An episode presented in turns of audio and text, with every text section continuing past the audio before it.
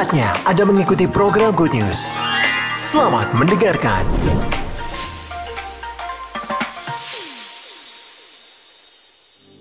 Shalom Bapak Ibu, salam sehat semangat, sukacita. Amin. Kita akan sama-sama belajar firman Tuhan. Bapak Ibu pada saat ini firman Tuhan saya beri judul Anak Kecil yang Berdampak. Bapak Ibu kita baca bersama-sama dalam 2 Raja-Raja 5 ayat 1 sampai 15 untuk mengingatkan kita tentang kisah ini.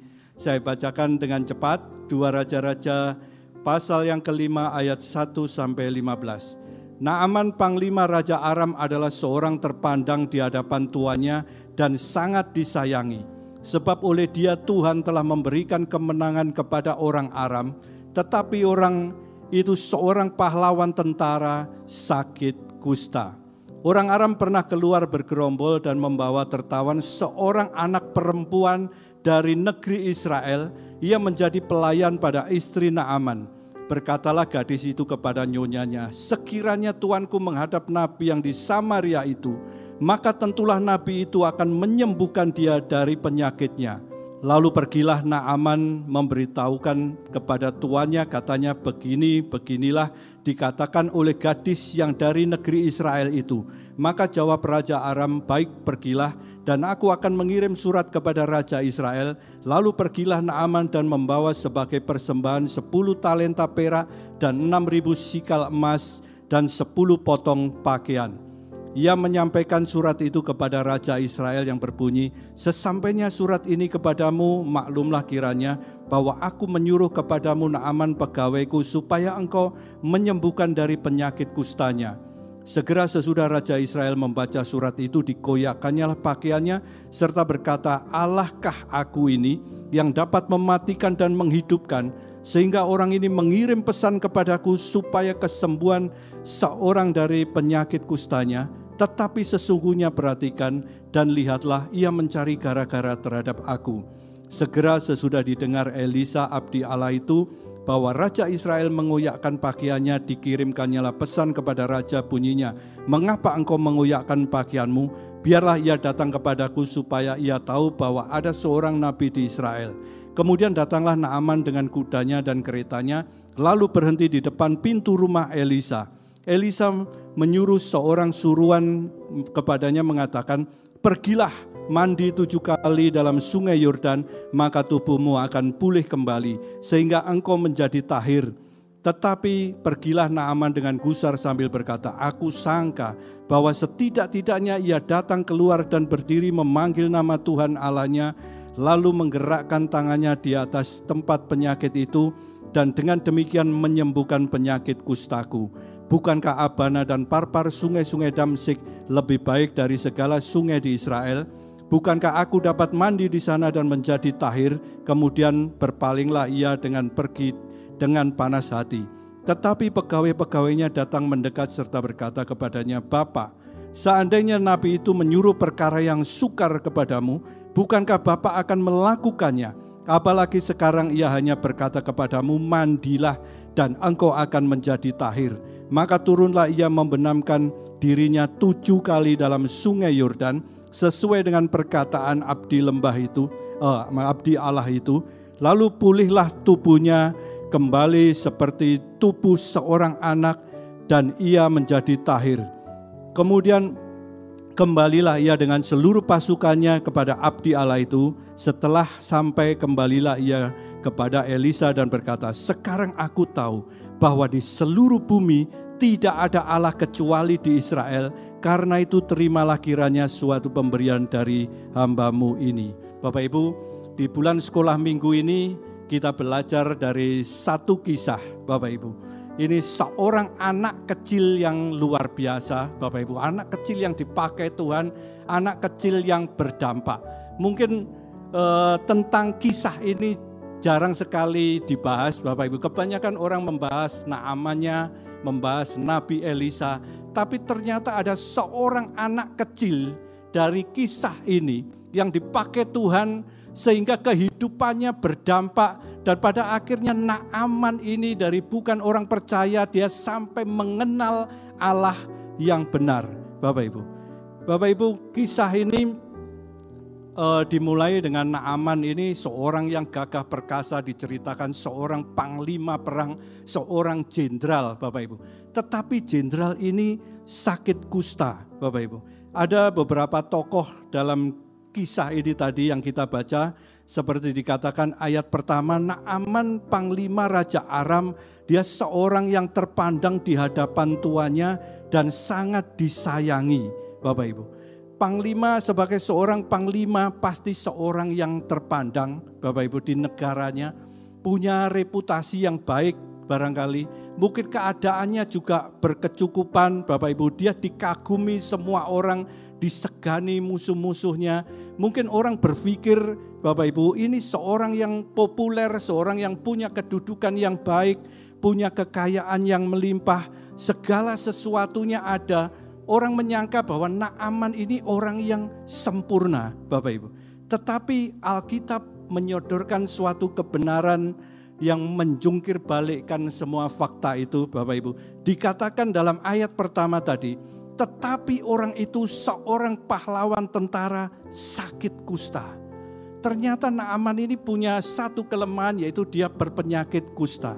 Kusta ini seluruh badannya mungkin warnanya putih lama-kelamaan melempuh. Kita tahu kalau sudah parah jarinya pun bisa putus sendiri Bapak Ibu. Zaman Musa pun orang sakit kusta akan dijauhi Bapak Ibu. Yang menarik Bapak Ibu, justru dalam keguncangan Naaman ini dalam kehidupannya, masalah besar yang dihadapi dalam kehidupannya, pada akhirnya Naaman ini mengenal Allah yang benar dia akhirnya berpikir seperti yang disampaikan oleh gadis kecil yang ada di rumahnya itu untuk pergi ke Israel mencari nabi Tuhan yang bernama Elisa ini, Bapak Ibu. Saya rasa dengan kekayaannya, dengan kehormatannya, Naaman ini pasti sudah mencoba berobat ke sana kemari mencari tabib yang terkenal mungkin yang terbaik di seluruh negerinya tapi ternyata tidak menyembuhkan Bapak Ibu. Tokoh kedua Bapak Ibu, seorang perempuan Israel Bapak Ibu. Di sini ayat yang kedua mengatakan orang Aram pernah keluar bergerombol dan membawa tawanan seorang anak perempuan dari negeri Israel. Ia menjadi pelayan pada istri Naaman. Ini kontras sekali dalam perbandingannya. Yang pertama, seorang jenderal, seorang pahlawan yang kedua ini maaf hanya seorang pahla, uh, pelayan Bapak Ibu. Dia adalah seorang anak perempuan Israel yang bekerja di rumah Naaman sebagai budak Bapak Ibu. Gadis kecil ini tidak dikisahkan latar belakangnya, asal usulnya, silsilahnya. Alkitab hanya mencatat bahwa gadis kecil ini dijelaskan hanya seorang tawanan yang menjadi pelayan di istri Naaman. Tetapi Bapak Ibu, Tuhan bisa memakai gadis kecil ini secara luar biasa sehingga menjadi berkat bagi kehidupan keluarga Naaman dan pada akhirnya Naaman pun bisa mengenal Allah yang benar. Bapak Ibu, kalau Tuhan bisa memakai seorang yang tidak berdaya, seorang yang lemah, gadis kecil pun bisa dipakai Tuhan. Tuhan pun akan memakai kita bisa menjadi orang yang luar biasa. Amin. Tepuk tangan buat Tuhan kita Bapak Ibu. Hari ini kita akan belajar beberapa hal tentang gadis kecil yang cinta Tuhan ini Bapak Ibu. Yang pertama, gadis kecil ini mempunyai kasih. Bapak Ibu, gadis kecil ini maaf hanya sebagai seorang budak, ia bukan seorang yang terpandang, ia juga bukan penasihat Naaman, dia bukan orang yang pintar, Bapak Ibu. Dia tidak hanya seorang budak, Bapak Ibu. Lebih tragisnya lagi dia seorang wanita. Pada saat itu adat istiadat di negara itu, wanita itu kedudukannya lebih rendah daripada pria. Dan kemudian tidak hanya itu, dia sebagai seorang tawanan, Bapak Ibu. Kita bayangkan seorang anak kecil yang saat itu hidup jauh dari orang tuanya, kemudian uh, dia sebagai tawanan dari seorang jenderal yang menyerang ke negaranya, dia dibawa pulang ke negaranya sebagai tawanan, sebagai budak. Tentunya Bapak Ibu, dia menyimpan kepahitan, menyimpan satu rasa sakit hati dan kekecewaan terhadap Naaman ini dan keluarganya. Mungkin secara logika dan masuk akal gadis ini lihat tuannya yang sedang sakit kusta. Ah, syukurin ini, kena penyakit kusta.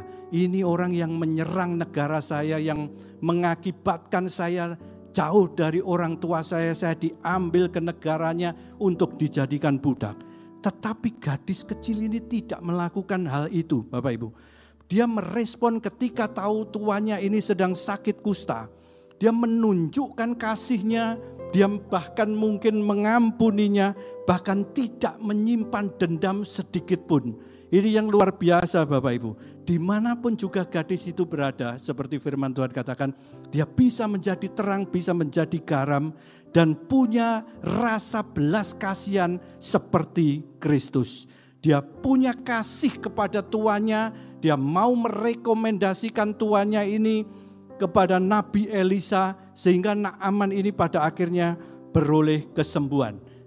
Gadis kecil ini menjadi berkat dalam rumah Naaman. Bapak Ibu kalau kita baca dalam Efesus 4 ayat 31 sampai 32 dikatakan segala kepahitan, kegeraman, kemarahan, pertikaian dan fitnah hendaklah dibuang di antara kamu, demikian pula segala kejahatan. Tetapi hendaklah kamu ramah seorang terhadap yang lain, penuh kasih mesra dan saling mengampuni sebagaimana Allah di dalam Kristus telah mengampuni kamu. Bapak Ibu, mari kita belajar hari ini di bulan sekolah minggu ini dari seorang gadis kecil ini, Bapak Ibu. Kita bermurah hatilah, kita lepaskan pengampunan kepada orang yang menyakit kita, supaya di dalam kehidupan kita ini tidak ada sedikit pun akar kepahitan, Bapak Ibu, supaya kehidupan kita berkenan kepada Tuhan. Amin. Tepuk tangan buat Tuhan Yesus, Bapak Ibu. Bapak Ibu yang kedua, Bapak Ibu, kita yang dapat kita pelajari dari seorang gadis kecil ini, dia berani bersaksi, Bapak Ibu. Diperkirakan gadis kecil ini berumur di bawah 12 tahun, Bapak Ibu. Ini menjadi pelajaran bagi kita semua, Bapak Ibu. Masih kecil, tapi dia berani menyaksikan kuasa Tuhan, berani menyaksikan kebesaran Tuhan. Bapak Ibu, sering di antara kita kalau kita disuruh bersaksi, ah nanti aja, ah nanti masih banyak waktu. Tunggu aja nanti Bapak Ibu. Mungkin banyak alasan kita untuk bersaksi sebagai uh, kekuasa Tuhan, kebesaran Tuhan, meskipun kita sebagai orang dewasa. Tetapi gadis kecil ini Bapak Ibu, biar dia sebagai orang asing hidup di negeri asing dan yang menarik gadis kecil ini seorang budak, seorang tawanan, dia tidak mau menunda untuk bersaksi dan meyakinkan tuannya ada Allah yang besar yang sanggup menyembuhkan sakit penyakitnya. Saya yakin sebagai seorang budak dia tidak hidup dalam kenyamanan. Seorang budak itu pasti makannya terbatas, mungkin jam kerjanya bisa melebihi jam kerja biasanya, bahkan siang barangkali malam. Dia dalam kondisi yang tidak nyaman, tetapi tetap tidak menyurutkan niatnya untuk bersaksi. Ini yang harus kita teladani Bapak Ibu. 2 Timotius 4 ayat 2 dikatakan, Beritakanlah firman, siap sedialah baik atau tidak baik waktunya, nyatakan apa yang salah, tegurlah dan nasihatilah dengan segala kesabaran dan pengajaran. Bapak Ibu bagaimana dengan kita Bapak Ibu? Seharusnya di mana pun juga berada, kita berada di mana pun juga, kapan pun juga, bagaimanapun keadaannya, seperti yang Tuhan Yesus ajarkan, kita harus tetap menjadi terang, menjadi garam bagi orang-orang di sekitar kita. Kita harus menjadi orang yang berdampak, memberikan pengaruh positif bagi orang-orang di sekitar kita. Amin, Bapak Ibu. Bapak Ibu, Tuhan katakan, "Kamulah terang dunia, kamulah garam dunia." Tuhan tidak katakan, "Kamu nanti akan bisa menjadi garam dunia, kamu kemudian hari akan menjadi terang dunia." Tidak, Bapak Ibu. Natur kita sebagai orang percaya, sebagai murid Kristus, Tuhan katakan, "Kamu terang dunia, kamu garam dunia," sehingga kita harus berdampak bagi orang-orang di sekitar kita. Hari ini mari kita belajar dari seorang gadis kecil ini Bapak Ibu.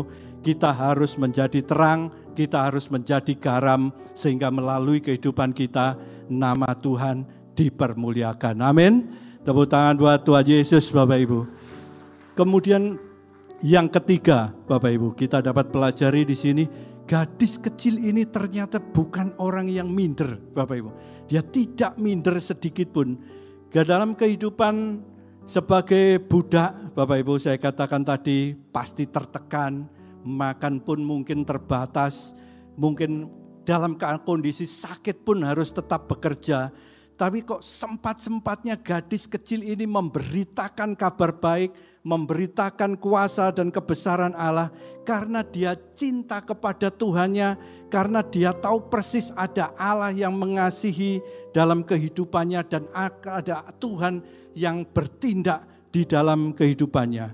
Bapak Ibu, di dalam kehidupan kita sehari-hari sebagai orang percaya, Bapak Ibu, saya yakin Bapak Ibu, mungkin kita berpikir untuk menjangkau, untuk memberitakan kabar baik kepada orang-orang dari kalangan atas, mungkin barangkali top eksekutif suatu perusahaan atau pengusaha besar, kita harus mempunyai posisi yang sama dengan mereka.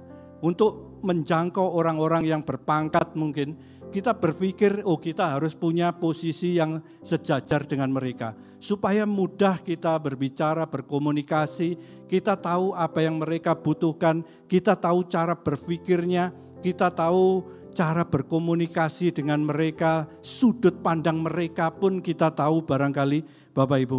Mula ini adalah konsep yang kurang benar menurut saya Bapak Ibu. Pada akhirnya meskipun ini sebuah pelayanan akan terjadi pengkotak-kotakan dalam penggolong-bolongan dalam status sosial dan sebagainya Bapak Ibu. Lah hal ini Bapak Ibu kalau kita lihat Bapak Ibu latar belakang dari gadis kecil ini dia hanya sebagai pelayan, hanya sebagai budak, tapi dia bisa menjangkau, bisa mengabarkan kabar baik kepada orang yang status sosialnya di atasnya tidak sederajat dengannya. Ini hal yang luar biasa Bapak Ibu.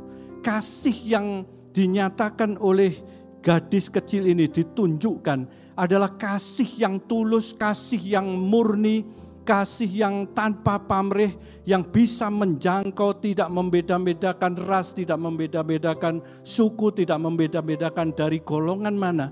Tetapi kasih yang betul-betul murni, dia memberitakan kabar baik, mengabarkan kebesaran Allah, sehingga Naaman ini akhirnya menemukan Allah yang benar. Bapak Ibu, ini rahasia keefektifan anak perempuan ini karena dia punya kasih yang murni, kasih yang mampu menebus uh, menembus perbedaan dari ras, perbedaan dari suku bangsa, perbedaan dari golongan dan status sosial. Bapak Ibu, ini teladan buat kita, Bapak Ibu.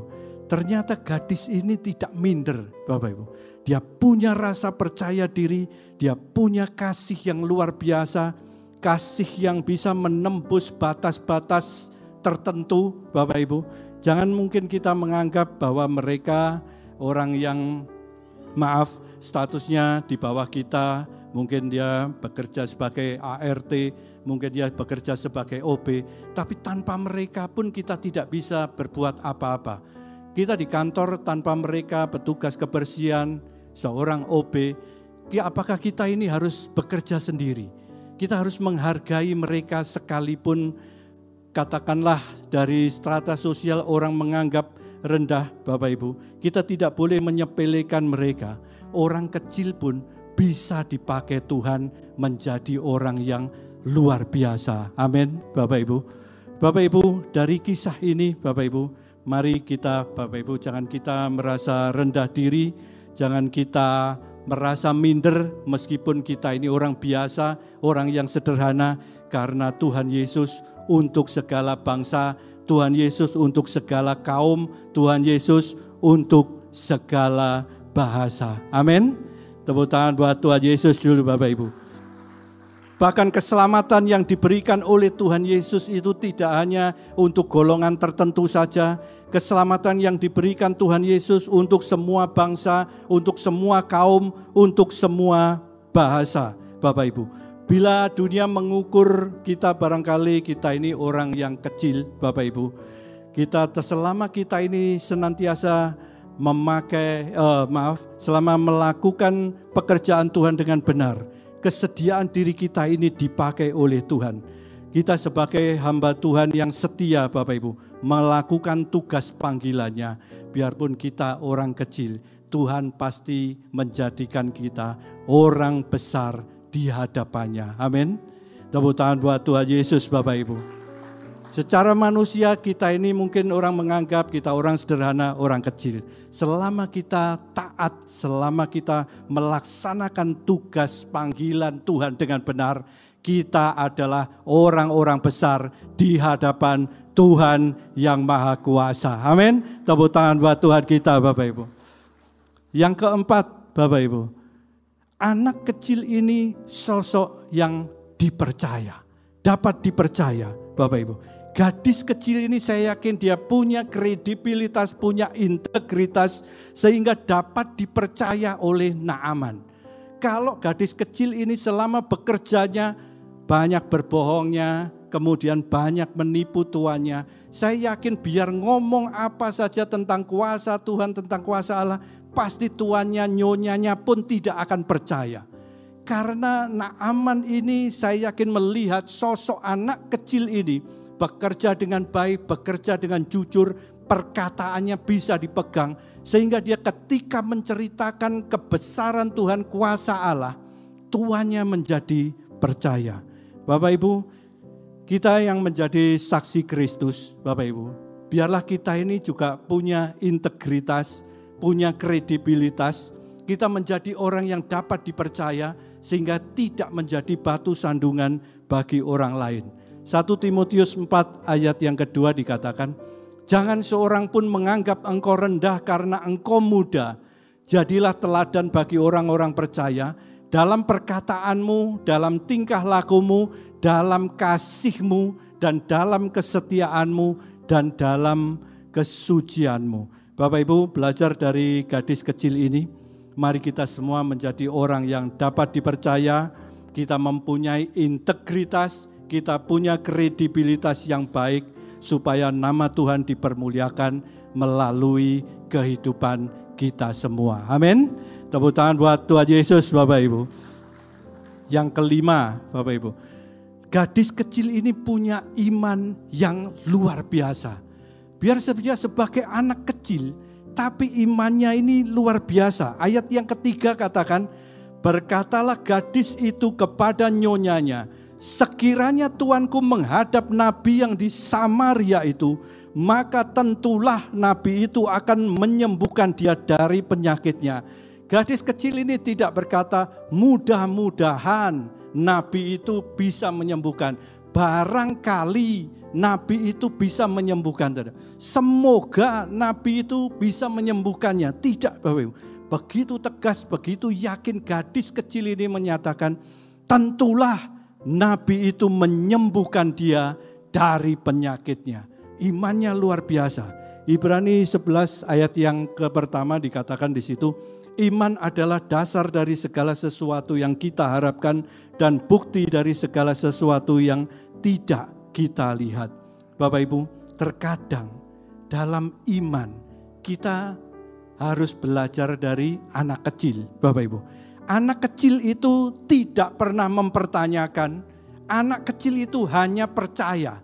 Anak kecil itu tidak pernah bagaimana nanti lalu eh, kira-kira bisa atau tidak. Anak kecil itu tidak pernah mempertanyakan.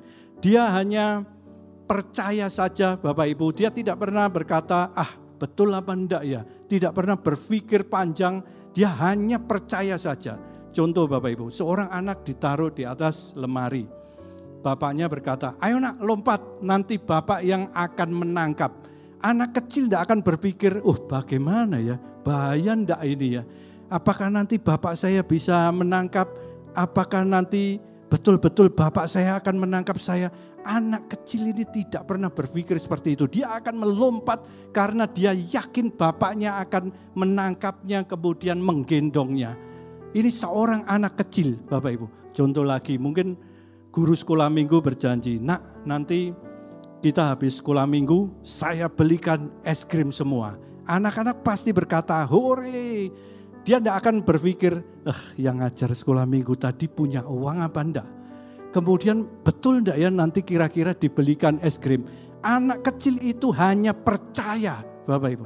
Jika terkadang dalam hal iman, kita harus seperti anak kecil ini yang percaya 100%. Amin Bapak Ibu. Ini yang pelajaran buat kita Bapak Ibu. Dalam Yohanes 11 ayat 40 dikatakan jawab Yesus, Bukankah sudah kukatakan kepadamu, jikalau engkau percaya, engkau akan melihat kemuliaan Allah. Bapak Ibu, gadis kecil zaman aman itu mungkin tidak pernah mendengar ayat ini, tetapi kemuliaan Allah sungguh dinyatakan di dalam kehidupannya karena imannya. Demikian pula dalam kehidupan kita, Bapak Ibu. Ketika kita percaya, ketika kita beriman kepada Tuhan, kita pun akan melihat kemuliaan Allah dinyatakan di dalam kehidupan kita semua. Amin. Mujizat demi mujizatnya akan dinyatakan dalam kehidupan kita semua. Amin. Tepuk tangan buat Tuhan Yesus Bapak Ibu. Yang keenam Bapak Ibu, yang dapat kita pelajari pagi hari ini. Seorang anak kecil ini berani mengambil resiko. Gadis kecil ini berani mengambil resiko dalam menyatakan imannya. Ia berani menjamin kesembuhan Naaman karena dia tahu persis tentang kuasa Allah. Dia tahu persis bagaimana Allahnya ini sanggup melakukan mujizat. Pertanyaannya Bapak Ibu, bagaimana seandainya jika Naaman ini tidak sembuh? Saya yakin gadis kecil ini akan mengalami nasib yang tidak baik Bapak Ibu. Naaman ini sudah jauh-jauh menempuh perjalanan ke Samaria, perjalanan yang jauh, perjalanan yang melelahkan. Naaman ini sudah mengorbankan waktunya, mengorbankan tenaganya, mungkin mengorbankan hartanya. Tapi ternyata kalau tidak sembuh sampai di sana, saya tidak bisa bayangkan bagaimana nasib gadis kecil ini, Bapak Ibu. Dia berani mengambil resiko. Zaman dulu, seekor kuda aja kalau dia sakit, kuda itu akan dibunuh daripada kuda itu menjadi beban di dalam perjalanan, Bapak Ibu. Yang luar biasa, penyakit Naaman ini akhirnya disembuhkan dan Naaman akhirnya mengenal Allah yang benar. Di dalam ayat 15 dikatakan, kemudian kembalilah ia dengan seluruh pasukannya kepada abdi Allah itu. Setelah sampai tampillah ia ke depan Elisa dan berkata, sekarang aku tahu bahwa di seluruh bumi tidak ada Allah kecuali di Israel. Bapak Ibu, gadis kecil ini namanya tidak dicatat dalam Alkitab.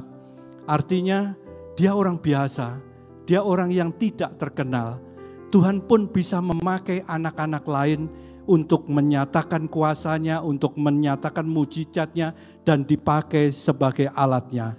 Itu tidak spesifik Bapak Ibu. Dan Tuhan pun bisa memakai siapa saja, termasuk kita semua, termasuk Bapak Ibu semua, tanpa menunggu kita menjadi orang hebat dulu, tanpa menunggu kita sebagai orang terkenal dulu, tanpa menunggu kita sebagai aktivis di gereja dulu, tanpa menunggu kita menjadi hamba Tuhan dulu atau menjadi pendeta dulu. Tuhan bisa memakai kita semua menjadi alatnya yang luar biasa. Amin. Tepuk tangan buat Tuhan Yesus Bapak Ibu. Bapak Ibu, gadis kecil ini gadis yang sangat setia Bapak Ibu. Kita pun harus berdampak di dalam kehidupan kita. Kita tidak harus berdampak di dalam dunia yang besar dan luas ini, Bapak Ibu, kecuali kita diberi karunia-karunia khusus untuk Tuhan dalam hal ini kita bisa menjangkau dunia yang begitu luas. Seperti gadis ini, kita harus berdampak kepada orang-orang di sekitar kita terlebih dahulu. setia dalam perkara kecil, maka Tuhan akan mempercayakan hal-hal yang lebih besar lagi dalam kehidupan kita semua. Amin. Tepuk tangan buat Tuhan Yesus, Bapak Ibu. Bapak Ibu, eh, di dalam sekolah minggu ini, bulan sekolah minggu, sebagai orang tua, Bapak Ibu, kita harus mengajar anak-anak kita seperti gadis kecil ini tadi Bapak Ibu. Dia bisa mengenal Allahnya, dia bisa begitu beriman, dia sangat percaya kepada kuasa Allahnya. Saya yakin dia didikan dari orang tua dan orang-orang di sekitarnya. Di bulan sekolah minggu ini mengingatkan kita bahwa kita harus mengajar anak cucu kita dengan firman Tuhan, mengenalkan sedari dini tentang kuasa Allah, bagaimana Tuhan itu, bagaimana kebesarannya, supaya anak-anak cucu kita bisa dipakai Tuhan juga secara uh, supaya anak-anak cucu kita juga bisa mengenal Tuhan dan terlebih dipakai luar biasa sebagai alat untuk mempermuliakan nama Tuhan kita. Amin. Tepuk tangan buat Tuhan Yesus Bapak Ibu. Bapak Ibu, saya dulunya berpikir bagaimana seorang anak kecil ini dalam kisah Naaman ini bisa mengenal Allah yang benar. Bagaimana Daud yang kecil itu bisa yakin imannya tumbuh, imannya bertambah besar sedari dini, sedari dia masih kecil, dia tahu benar bagaimana kuasa Allah, dia kenal dengan Allahnya dan mengenal Allahnya. Ternyata Bapak Ibu dalam kehidupan adat istiadat bangsa Yahudi, mulai kecil anak-anak itu sudah dimasukkan dalam pendidikan keagamaan Bapak Ibu. Ada yang namanya mikra, mikro, gitu ya dalam usia lima tahun anak itu harus belajar Taurat dia harus menghafal Taurat ada yang namanya misnah pada usia 10 tahun anak itu harus mendapat pendidikan juga ada yang namanya Talmud Bapak Ibu anak umur 13 tahun kemudian yang di atas ada midras untuk level yang umur 20 tahun bahkan untuk sebagai guru untuk lanjutan dari pendidikan itu ada umur-umur tertentu. Makanya ditetapkan bangsa Yahudi ini kalau seorang guru, seorang pengajar itu minimal umurnya 30 tahun. Tidak salah Bapak Ibu ketika Yesus mulai mengajar tepat pada usia 30 tahun. Karena itu adalah adat istiadat orang Yahudi ini Bapak Ibu. Mari Bapak Ibu ajarkan firman Tuhan kepada anak-anak kita, cucu-cucu kita setiap hari. Seperti ulangan Ulangan 6 ayat yang ketujuh dikatakan, haruslah engkau mengajarkannya berulang-ulang kepada anak-anakmu dan membicarakannya apabila engkau duduk di rumahmu, apabila engkau sedang dalam perjalanan, apabila engkau berbaring, dan apabila engkau bangun. Mari didik kita, anak-anak kita, cucu-cucu kita dalam pengenalan akan Allah dan firman-Nya sedari dini supaya kerohaniannya semakin bertumbuh. Amin Bapak Ibu. Bapak Ibu, beberapa hal yang dapat kita pelajari dari Naaman ini bagaimana dia bisa mengalami mujizat. Yang pertama, mujizat terjadi bila ada iman, Bapak Ibu. Yang diimani oleh gadis kecil itu, Bapak Ibu. Allah yang diimani oleh gadis kecil itu diimani oleh Naaman. Sekalipun Naaman ini belum melihat, tetapi Naaman ini percaya, Bapak Ibu dan dia sangat yakin bahwa apa yang dikatakan oleh gadis kecil pelayannya ini akan benar-benar terjadi. Roma 10 ayat 17 dikatakan Bapak Ibu. Jadi iman timbul dari pendengaran dan pendengaran akan firman Kristus. Iman aman timbul ketika dia mendengar apa yang disampaikan oleh gadis kecil itu.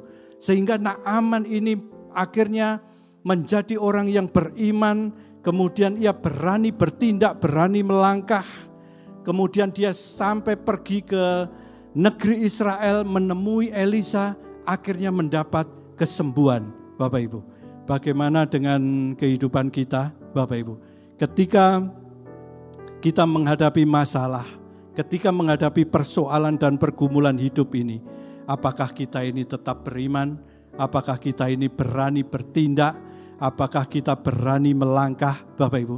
Ketika kita beriman, ketika kita berani melangkah, ketika kita berani bertindak, maka mujizat pun itu akan Tuhan nyatakan dalam kehidupan kita semua. Amin. Tepuk tangan buat Tuhan kita Bapak Ibu. Yang kedua Bapak Ibu, mujizat terjadi bila ada kerendahan hati. Bapak Ibu Nabi Elisa hanya memerintahkan mandi di sungai Yordan tujuh kali Bapak Ibu. Kemudian Naaman ini awalnya tidak mau. Dia lihat sungai Yordan yang begitu kotor, dia masih menawar Abana dan Parpar itu. Sungainya jauh lebih bersih daripada sungai Yordan ini. Dia mau pulang, dia sangat kecewa, dia sakit hati. Apalagi yang menemui bukan Elisa secara langsung, tapi hanya seorang bujangnya, pembantunya Elisa, Bapak Ibu. Tapi apa yang dikerjakan, apa yang disuruhkan oleh Tuhan, mandi di sungai Yordan tujuh kali. Bapak Ibu maaf bicara, ketika Naaman ini harus belajar untuk rendah hati. Orang yang mandi itu melepaskan jubahnya, melepaskan pakaiannya, Bapak Ibu.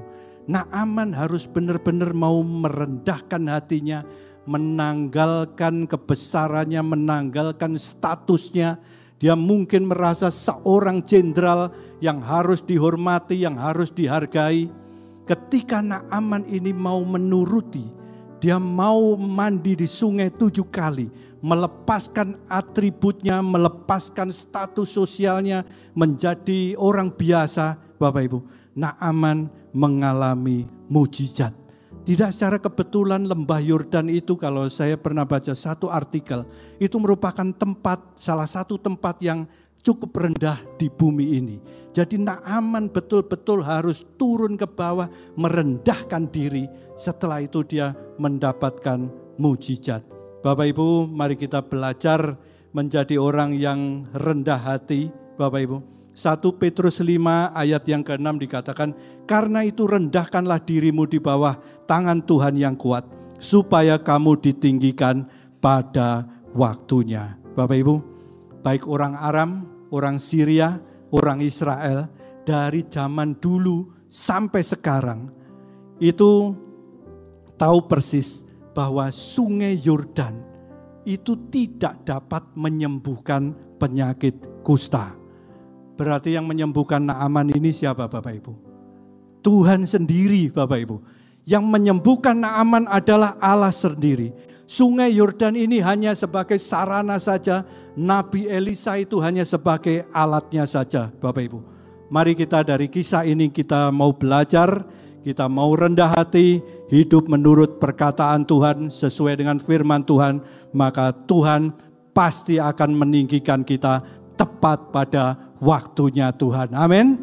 Tepuk tangan buat Tuhan Yesus Bapak Ibu. Yang terakhir Bapak Ibu, mujizat terjadi karena adanya ketaatan. Maaf, yang ketiga, mujizat terjadi jika ada ketaatan. Bapak Ibu, iman Naaman saja tidak cukup untuk menerima mujizat kesembuhan ini, tetapi menghendaki Naaman ini belajar untuk taat kepada perintah Tuhan. Bapak Ibu, akhirnya Naaman ini taat Bapak Ibu. Meskipun ketaatan itu memerlukan berbagai macam pengorbanan. Bapak Ibu yang pertama untuk taat kita harus mengorbankan pengetahuan kita, logika kita, kepandaian kita. Seorang Naaman ini seorang jenderal pasti dia orang yang pandai, orang terpandang, orang yang pinter, orang yang cerdas Bapak Ibu. Ketika budaknya mengatakan bahwa engkau harus menemui seorang nabi di Israel. Naaman ini percaya kepada pembantunya, kepada gadis kecil ini. Logikanya dikorbankan, pengetahuannya dikorbankan, kepandaiannya dikorbankan, dia harus taat Bapak Ibu. Ketika dia melihat sungai Yordan ini kotor, dia masih nawar ada sungai di Parpar dan Damsyik yang lebih bersih. Naaman ini harus taat Bapak Ibu. Ketika Naaman taat, dia mengalami mujizat. Demikian pula kehidupan kita Bapak Ibu. Ketika kita taat, kita pun akan mengalami mujizat. Amin. Tepuk tangan buat Tuhan kita Bapak Ibu. Kemudian untuk taat, untuk itu kita harus mengorbankan kenyamanannya. Kita mau taat, kita harus berani berkorban. Seperti Naaman ini, dia taat, dia menempuh perjalanan yang begitu jauh perjalanan yang melelahkan, mengorbankan segala sesuatu, mengorbankan waktunya, mengorbankan kenyamanannya, mengorbankan hartanya barangkali, bahkan disuruh mandi di sungai yang kotor. Tapi ketika taat, Naaman ini mengalami kesembuhan. Kemudian untuk taat yang ketiga harus mengorbankan perasaannya, Bapak Ibu. Bagaimana Bapak Ibu seorang jenderal ketika dia sampai kepada Elisa, Elisa tidak mau menemuinya, hanya pembantunya yang menemui. Bagaimana perasaannya seorang Naaman ini Bapak Ibu. Tetapi ketika Naaman ini mau taat, dia mau mengorbankan perasaannya, Naaman mengalami mujizat. Amsal 13 ayat 13 katakan, siapa meremehkan firman, ia akan menanggung akibatnya. Tetapi siapa taat kepada perintah akan menerima balasannya. Bapak Ibu, kisah Naaman ini adalah kisah yang luar biasa. Sampai Tuhan Yesus pun mengatakan juga di dalam Lukas 4 ayat 27, dikatakan di situ, dan pada zaman Nabi Elisa banyak orang kusta di Israel dan tidak ada seorang pun dari mereka yang tahir selain daripada Naaman orang Syria itu.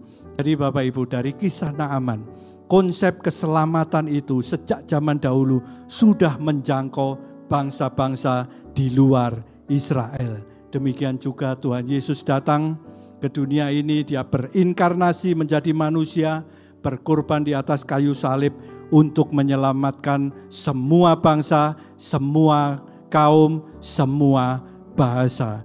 Bapak Ibu, hari ini kita sudah belajar firman Tuhan bagaimana seorang anak kecil ini bisa dipakai oleh Tuhan secara luar biasa. Seorang anak kecil ini bisa berdampak, Bapak Ibu. Beberapa hal yang dapat kita pelajari ini yaitu yang pertama, Tuhan bisa memakai siapa saja untuk menyatakan kuasa dan kemuliaannya termasuk memakai seorang anak kecil dan bisa memakai kita semua. Didiklah anak-anak kita, cucu-cucu kita, mengenal firman Tuhan, supaya anak-anak itu mengenal Allah sejari dini dan kelak kehidupannya akan berdampak untuk memuliakan Tuhan. Yang ketiga, mujizat terjadi bila ada iman, ada kerendahan hati dan ketaatan. Yang terakhir yang keempat, kuasa Allah, mujizat Allah, anugerah Allah dan kemuliaan Allah juga menjangkau bangsa-bangsa di luar Israel sejak dahulu kala termasuk kepada Naaman ini. Bapak Ibu, tepuk tangan buat Tuhan Yesus, Bapak Ibu. Hari ini kita sudah belajar beberapa hal bagaimana anak kecil ini bisa dipakai Tuhan secara luar biasa. Bagaimana seorang anak kecil pun bisa berdampak bagi kehidupannya untuk dipakai sebagai alat untuk mempermuliakan nama Tuhan. Tuhan pun bisa memakai kita semua untuk mempermuliakan namanya. Amin. Tepuk tangan buat Tuhan Yesus Bapak Ibu.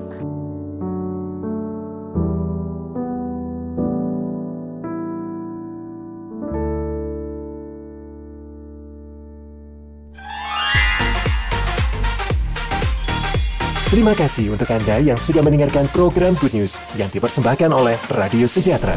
Untuk Anda yang rindu mendapatkan layanan konseling dan dukungan doa, silakan menghubungi hotline 0812 33 33 6392. Para konselor dan para pendoa Diaspora Sejahtera Caring Ministry siap untuk melayani Anda. Tuhan Yesus memberkati.